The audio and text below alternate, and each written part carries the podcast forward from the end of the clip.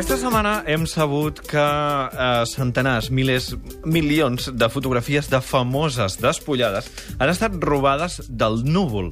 Sí. És a dir, mm, d'allà dalt, de, del ciberespai, mm. d'on s'emmagatzema tota la informació digital que nosaltres anem volcant a les xarxes. I per això avui, amb el Francesc Torralba, ens volem preguntar això, si ens preocupa en general la privacitat a la xarxa i si la privacitat de les persones eh, està perdent pes. Mira, s'ha escrit molt, bona tarda. S'ha escrit molt sobre la mort de la privacitat, el final de la privacitat, l'agonia de la privacitat, especialment en relació amb la xarxa, no? Passa que aquí és més que en dos, dues coses, no? D'una banda, tenim un instrument molt poderós que converteix en transparent continguts que fins ara eren molt secrets, això d'una banda, i no sabem exactament com utilitzar aquest instrument i tenim moltes sorpreses, però després n'hi ha una altra, que és com s'ha transformat el concepte de privacitat. Per exemple, les generacions més joves. Llavors, aquí són dos factors que s'uneixen. És a dir, allò que per mi és privat no és per la meva filla adolescent. Allò que per mi ho era quan tenia la seva edat, per ella no. I llavors ho penja a la xarxa. És a dir, no es tracta només de que poden descobrir allò que amaguem, que això s'està produint, en el cas d'aquestes models famoses que diuen, oh, no volia que se sapigués i se sap, doncs això, la forma del meu cos, eh, parts del meu cos que no volia que se sabessin, sinó que a la vegada moltes generacions joves volquen a la xarxa continguts que nosaltres considerem molt privats, molt íntims, i que gairebé no diem ni a cau d'orella a l'íntim amic. Com ho revelarem per la xarxa? I llavors això acaba sent compartit amb un grup, compartit amb un conjunt de persones, o fins i tot per tothom. Però això és un canvi social o, o, o és un canvi mm, tecnològic? Ho dic perquè la teva filla té eines que tu no tenies en el, en el, teu, moment, en el teu moment per compartir les teves fotografies, informacions que la gent no volies que, que sabés. Ella té aquestes eines a l'abast. Són les dues coses. És un canvi tecnològic potentíssim, que nosaltres ens vam fer grans sense internet, sense mòbil, sense tablet, sense iPad, i ens hem fet grans, els prehistòrics ens hem fet grans així, però llavors hi ha un altre camp, que és el canvi de valors, és a dir, allò que nosaltres amagàvem, ells ho revelen.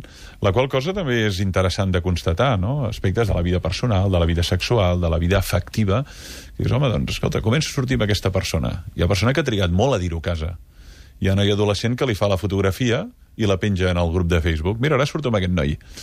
Carai, un altre ho amaga i dius, ja veurem com anirà abans de revelar-ho públicament o que se n'assabentin els meus pares, no? I qui diu això diu altres costums, que es guardaven més sota la cortina del pudor o de la privacitat i ara és relevant. Per tant, són dues coses canvi tecnològic i canvi de valor de la privacitat. 93 201 7474 a la tribu arroba catradio.cat, Facebook, Twitter arroba tribu catradio. Marta. L'Anton ens diu al Facebook, jo ho tinc tot públic, arreu, Facebook, Instagram, Twitter, no tinc res a amagar i no tinc ganes de perdre el temps configurant què i qui sí, què i qui no. La Montse Boix, jo tinc la privacitat de totes les fotos només a les meves amistats i només agrego gent que conec de veritat. Igualment, cada persona penja el que vol que es vegi, no? Exacte, i això és la novetat, que tenim grans sentits de privacitat molt diferents. I jo tinc al, fotos al meu àlbum de fotografia que no m'agradaria que tothom veiés, perquè estic, què sé jo, doncs, en una indumentària o estic en una situació que no m'agradaria que ho veiessin els meus alumnes, per exemple, no? que no ho veiessin els meus alumnes, no? Sorpresa, ara. No, home, doncs, a veure, a casa anem vestits d'una manera, ens trobem d'una manera, que no anem com al carrer, tu. I llavors aquí uns, un distingeix. Ara hi ha persones que no tenen aquesta distinció tan clara. I, per tant, hi ha dues coses, el factor tecnològic i com s'ha anat transformant el sentit de privacitat entre nosaltres.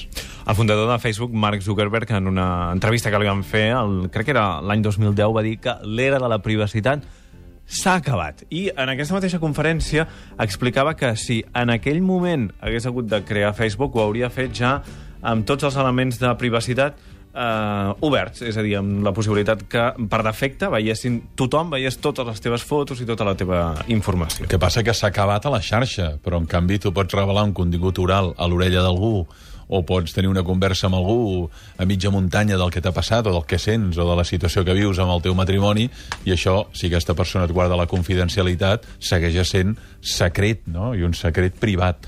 Per tant, és a la xarxa on és més vulnerable, els continguts privats íntims.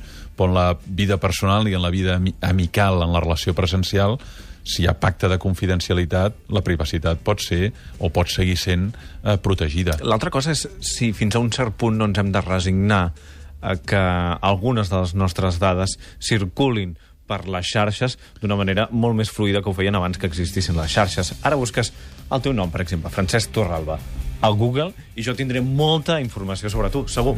Sí, el que passa que aquesta informació pot estar molt adulterada eh, i això pot passar en qualsevol persona.